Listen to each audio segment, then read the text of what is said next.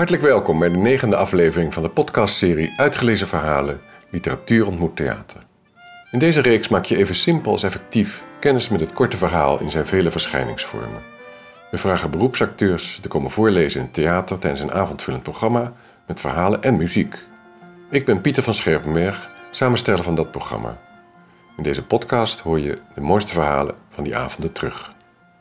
Deze maand krijg je een korte maar intense aflevering. Je hoort zo direct een bijzonder verhaal van een schrijver die ik zeer bewonder om zijn stijl en thematiek, L.H. Wiener.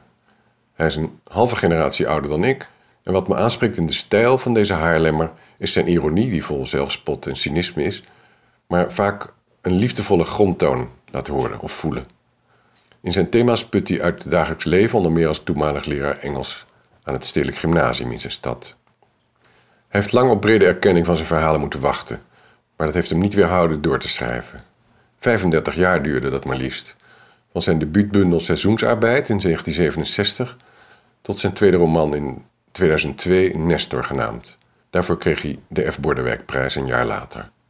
Daarna kwamen zijn tientallen verhalen ook in de belangstelling. In 2015 werden ze in één kloeke band van ruim 1100 pagina's samengebracht. Het is gelukkig ook handzaam als e-boek te koop. Het verhaal dat ik in 2016 selecteerde voor Diederik van Vleuten om voor te lezen tijdens ons zondagmiddagprogramma in het De Theater heet Haken ontbraken. Een Wiener schreef het in 1973. Het brengt je terug naar zijn jeugdjaren in Zandvoort, maar in hoeverre dit op werkelijke herinnering gebaseerd is, beantwoordt de schrijver zelf in het gesprek dat ik na afloop met hem had op het podium, dat je straks na het verhaal zult horen. Performer Diederik van Vleuten behoeft weinig introductie. Maar wie nooit naar zijn cabaretvoorstellingen samen met Erik van Muiswinkel ging, nog op tv daar registratie van zag en aan wie zijn stand-up history programma's van de laatste jaren voorbij gegaan zijn, hij is een rasverteller die zijn eigen verhalen weergaloos over het voetlicht weet te brengen. Meest recent deed hij dat op schrift onder de titel Daar werd wat groots verricht, over zijn oud-oom Jan en diens Nederlands-Indische wederwaardigheden, opgediept uit het familiearchief. Dierik is ook een groot voorlezer, zul je merken. Luister naar zijn vertolking van L.H. Wieners verhaal Haken ontbraken. Het zal geweest zijn in de winter van het jaar 1952. Ik was toen dus zeven, dat mijn vader, mijn broer en ik ons naar het strand begaven om te gaan beugen.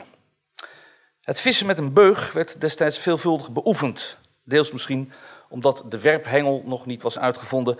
Deels ook waarschijnlijk omdat men in het verre verleden nog kans had aan het strand platvis of gul te vangen. Tegenwoordig zal geen zinnig mens het meer in zijn hoofd halen zijn geluk op het strand te beproeven.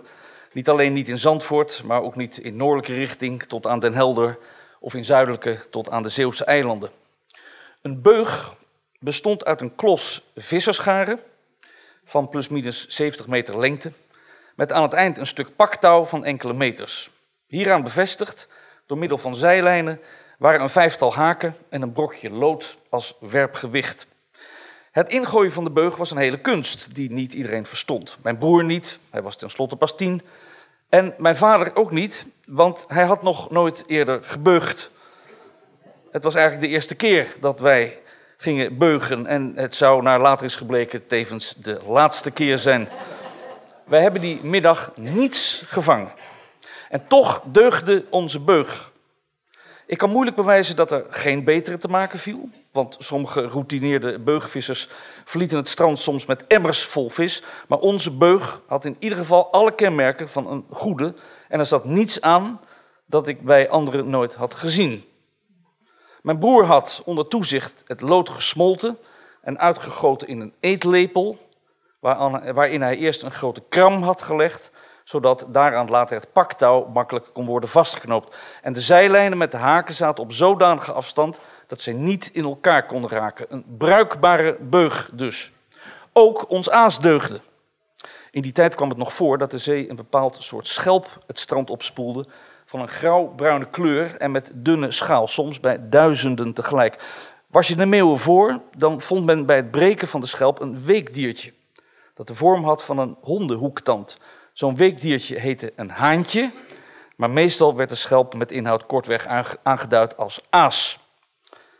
Mijn broer brak de schalen en deed het aas aan de haken, terwijl ik als een volleerde beugvisser de lijn in regelmatige lussen op het harde zand voor de vloedlijn uitlegde.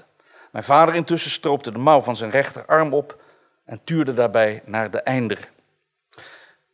De maximale werpafstand was natuurlijk gelijk aan de totale lengte van de lijn. Maar die afstand werd nooit geworpen. 40 meter was al respectabel en meer dan 50 meter een record. Het restant van de lijn werd dan op een klos gewonden en deze stak men in het zand. Ons lood ging zeker 60 meter de zee in. Ons lood dan. Want wat gebeurde er? Nadat ik een vislijn netjes op het strand had uitgelegd en mijn broer de klos diep in het zand had getrapt, voor alle zekerheid, nam mijn vader de lijn bij het eind van het paktouw beet en gebood hij ons een flink stuk opzij te gaan. Daarop liep hij, het touw met de haken ver van zich afhoudend, tot dicht aan de vloedlijn, spreidde zijn benen enigszins en begon het lood boven zijn hoofd te zwaaien. Toen hij losliet, belandde het tuig een klein eindje verder schuin van ons vandaan in de golven. Mijn broer en ik haalden de lijn weer in en controleerden of het aas nog goed aan de haken zat. En mijn vader ondernam een nieuwe poging, die al even weinig resultaat opleverde als de eerste. Op dat moment passeerde ons een kolos van een man. Een zwemmer, of een koper, of een paap, of een keur, of een andere volbloed zandvoerder. Hij bleef staan en keek toe hoe ook mijn vaders derde poging in het water viel. Een deel van de aas was daarbij verspeeld. Mijn broer en ik begonnen het strand af te zoeken naar nieuwe schelpen. Toen we er genoeg gevonden hadden en de lege haken weer van vers aas hadden voorzien, bleek de reusachtige vreemdeling bereid de beug voor ons in te werpen. Evenals mijn vader begon hij het lood boven zijn hoofd rond te zwaaien. Maar terwijl hij dit deed, liet hij de lijn kennelijk vieren, want de kring die het lood beschreef werd steeds groter. Hij keek boven zich en schatte de schaal van de cirkel, die ongeveer drie meter bedroeg. Hij wandelde al zwaaiend naar de zee toe en zette zich schrap. En even later begon de lijn te zingen in de wind. En daarbij veerde de man door zijn knieën en bewoog zijn bovenlichaam ritmisch heen en weer, terwijl het lood nu met een lichte fluittoon rondraasde. De cirkelbaan was niet meer horizontaal, maar schuin naar boven gericht. Ik voelde kleine spatjes water tegen mijn gezicht. Toen knapte de lijn.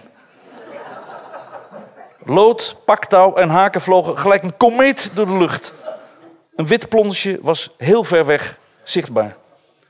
Enkele ogenblikken keek de man smalend naar het vissenschaar in zijn hand. Daarop richtte hij zich tot mijn vader en sprak op minachtende toon: Die lijn is te dun. Mijn vader deed beleefd als altijd een pas naar voren en keek belangstellend naar het rafelige uiteinde van de lijn dat danste in de wind. Of je lood was te zwaar, voegde de man hem nog toe. Mijn vader knikte. De man liet nu de lijn vallen en vervolgde zijn weg. Over zijn hand liep een rode striem. Mijn broer was intussen begonnen de lijn weer op de klos te winden. Ik zag dat hij zich schaamde. Mijn vader zweeg en ik zei ook niets, want ik was pas zeven. We liepen door het mulle zand terug naar huis en ik dacht aan de verbeten wijze waarop mijn broer de beug had gemaakt en de bezorgdheid van mijn ouders toen zij over zijn schouder meekeken hoe hij het vloeibare lood uit een lege schoensmeerdoosje in de lepel overgoot. En nu was de lijn gebroken. Zeker, maar hij was niet te dun geweest. Onze beug was, zoals iedere ander, vervaardigd van visserscharen, paktouw, haken en een eetlepel lood. En dat was het goede recept. Die vent zou iedere andere beug ook hebben stuk geslingerd, niet alleen de onze. Waarom begreep mijn broer dat niet? S'avonds droomde ik dat mijn vader, mijn broer en ik aan het vissen waren op het strand. Mijn broer knoopte met tegenzin een door de zee gepolijste steen aan het rafelige einde van de vislijn, die ik in mooie lussen op het zand uitlegde. Haken ontbraken. Mijn vader stroopte de mouw van zijn rechterarm op en tuurde naar de einder. Daarna liep hij met de lijn in zijn hand naar de zee en begon de steen boven zijn hoofd rond te zwaaien, waarbij hij door zijn knieën veerde en zijn lichaam ritmisch bewoog. Eerst nam ik een licht zuizen waar dat echter snel aanzwol tot een duidelijk hoorbare fluittoon. Mijn broer zat, zat gehurkt voor zich uit te staren en scheen in gedachten verzonken. De steen was een zwarte cirkel, waarvan de baan schuin naar boven gericht stond. De fluittoon werd almaar eiler en verdween tenslotte geheel. Kijk, schreeuwde ik mijn broer ineens toe, kijk dan! En ik wees naar de steen, die rood begon op te gloeien. Pas toen liet mijn vader los. Dank u wel.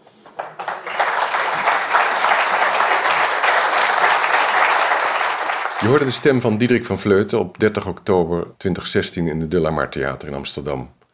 Hij las Wieners verhaal Haken ontbraken voor. En na die voordracht richtte de voorlezer zich rechtstreeks tot de aanwezige schrijver. En daarna nodigde ik die uit voor een kort gesprek over het verhaal en zijn schrijverschap. De microfoontechniek van ondergetekende was niet optimaal, waardoor soms delen van mijn vraag of Wieners antwoord minder goed te horen zijn. Maar het was zo'n leuk gesprek dat ik je toch graag wil laten horen. Inmiddels is mijn techniek verbeterd, kan ik melden. Nou is het, nou is het leuke, ik ging met in dit, verdiepen in dit verhaal. En ik dacht, ja, een, een, een korte verhalenschrijver of een schrijver algemeen, die kan je natuurlijk van alles wijs maken. Maar ik heb opgezocht, bestaat beugen, of is dat net iets als epibreren van Simon Carmichael? Een woord dat eigenlijk niet bestaat, maar verdomd, het bestaat. En het is zelfs nu gecatalogiseerd onder de vergeten woorden, de verdwenen woorden. Dus u heeft daarmee ook een monument voor het woord beug opgericht waarvoor u zeer dankbaar zijn.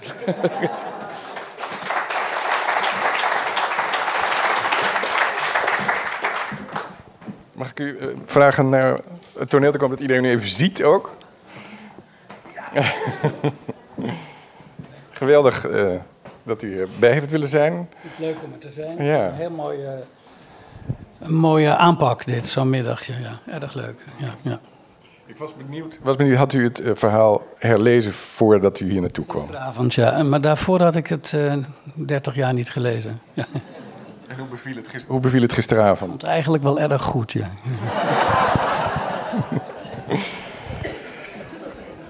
en uh, hoe vond u het om het terug te horen van Dierik van Vleuten?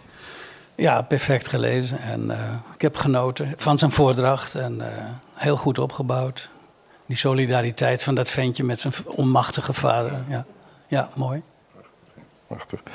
Um, ik zei in de inleiding al dat u uh, autobiografisch ogende fictie schrijft, of klinkende fictie. Dus de vraag laat zich altijd stellen dan meteen. Ik vind hem eigenlijk nooit zo interessant, maar volgens mij vrij veel mensen in de zaal wel. Hoeveel is hiervan waar? Ja, dat is een vraag die je niet moet stellen. Nee. um, Zal ik hem dan ook maar hierbij laten? Of wil je toch wel iets over zeggen? Ja, ik sta te denken hoe je dit moet. Autobiografische fictie is dus een uh, contradictio in terminis die ik toch wel hanteer. Ja. Uh, heel veel is gestoeld op uh, eigen ervaringen. Maar tegelijkertijd vervluchtigt dat als het een verhaal wordt en in een eigen autonome sfeer terechtkomt.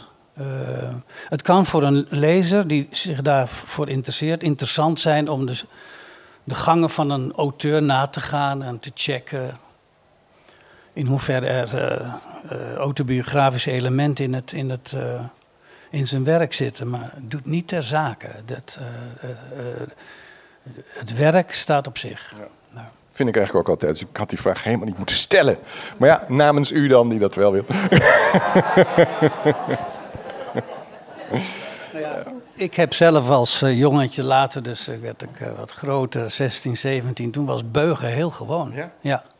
Ja. En dat heb ik... ik, ik las dat het... Geluk, hè, ik las op, ergens in een woordenboek online dat het in 1937 voor het laatst beoefend werd. Dat kan dan haast niet kloppen. Nee, dat klopt echt niet, nee. nee, nee. ik heb het gezien, emmers vol met school. Ja, dat sleepten ze er zo uit. Ja, internet, hè, dat is niet de waarheid. De waarheid staat naast me over het beugen. Ik dank u wel. Graag gedaan.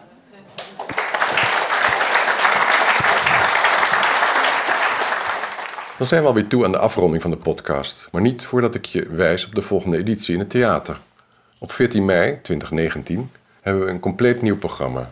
Dan hoor je het verhaal Going for a Beer van Amerikaan Robert Coover, dat ik in de New Yorker vond. Je krijgt het zowel in het origineel Engels als in mooie vertaling te horen. En een geweldig mooi verhaal van Nabokov, Wolk burgt meer. Het is geprogrammeerd dankzij dichter en podcastmaker van FM Boeken, Ellen Dekwits. Zij wees me op Nabokovs virtuoze verhalen en ik ben verguld dat we toestemming hebben gekregen van zijn zoon Dmitri Nabokov voor de eenmalige voordracht, door Olaf Maanberg. Maar we laten ook juweeltjes horen die zijn geschreven in het Nederlands. Een tweeluik van Mensje van Keulen en een verhaal uit het verrassende debuut van Joeke van Turenhout, zij is aanwezig bij de voorstelling en gaat weer zo'n gesprek met me aan de afloop. Met beter geluid, zoals beloofd. Wie gaan de verhalen voordragen? Dat zijn Stefanie Laurier, Olaf Malmberg en Gunnar de Jong. Die laatste komt er speciaal voor uit Londen over. Stefanie had het afgelopen seizoen veel succes met haar one-woman show De Revolutie van de Mislukking. Olaf werd bij het grote publiek bekend door zijn rol als skileraar in de tv-reclame met de uitroep: Hey, biertje! Hij speelde in zijn ruim 25 carrière bij grote toneelgezelschappen. Gunnar groeide op in Deventer en immigreerde tien jaar geleden naar Londen en New York voor zijn acteursopleiding en carrière. Voor het eerst treedt hij nu in zijn hometown op. En als altijd is er ook muziek die weer klinkt van Jan Terlouw junior, solo dit keer. Waar kun je dat allemaal meemaken? In Theaterbouwkunde Deventer, op 14 mei zoals gezegd. En als je niet in de buurt woont, het is werkelijk de moeite waard hiervoor naar Deventer te komen. De intercities naar andere delen van het land rijden nog tot ruim na het einde van de voorstelling. Dat is namelijk om 22.30 uur. Kaarten voor slechts 13 euro bestel je via de website theaterbouwkunde.nl. En meer over het programma en de precieze verhalen lees je op onze website uitgelezenverhalen.nl. Onze volgende podcast is alweer op 1 juni met een gesprek met vertaler Gerrit Bussink, het verhaal Vuurpijlenvanger van Karen Keuler dat hij vertaalde. Heeft het beluisteren van deze aflevering je geamuseerd of zelfs verrijkt? Talm dan niet en deel rijkelijk sterren aan ons uit in iTunes. Of nog liever, tik een besprekingje bij de sterren. Dat helpt echt om ons bereik te vergroten. En het is voor jou een kleine moeite, hoor. Abonneer je daarnaast ook in je favoriete podcast-app op Uitgelezen Verhalen. Dan krijg je vanzelf een seintje als er nieuwe afleveringen klaarstaan. Of verzoek ons op in Spotify of Soundcloud. En als je dit allemaal te ingewikkeld vindt, de afleveringen zijn ook eenvoudig te beluisteren via onze website uitgelezenverhalen.nl, waar we een sectie podcast hebben. Daar staan ze allemaal klaar en speel je ze direct af. En heb je een vraag die je in de volgende aflevering beantwoord wilt krijgen?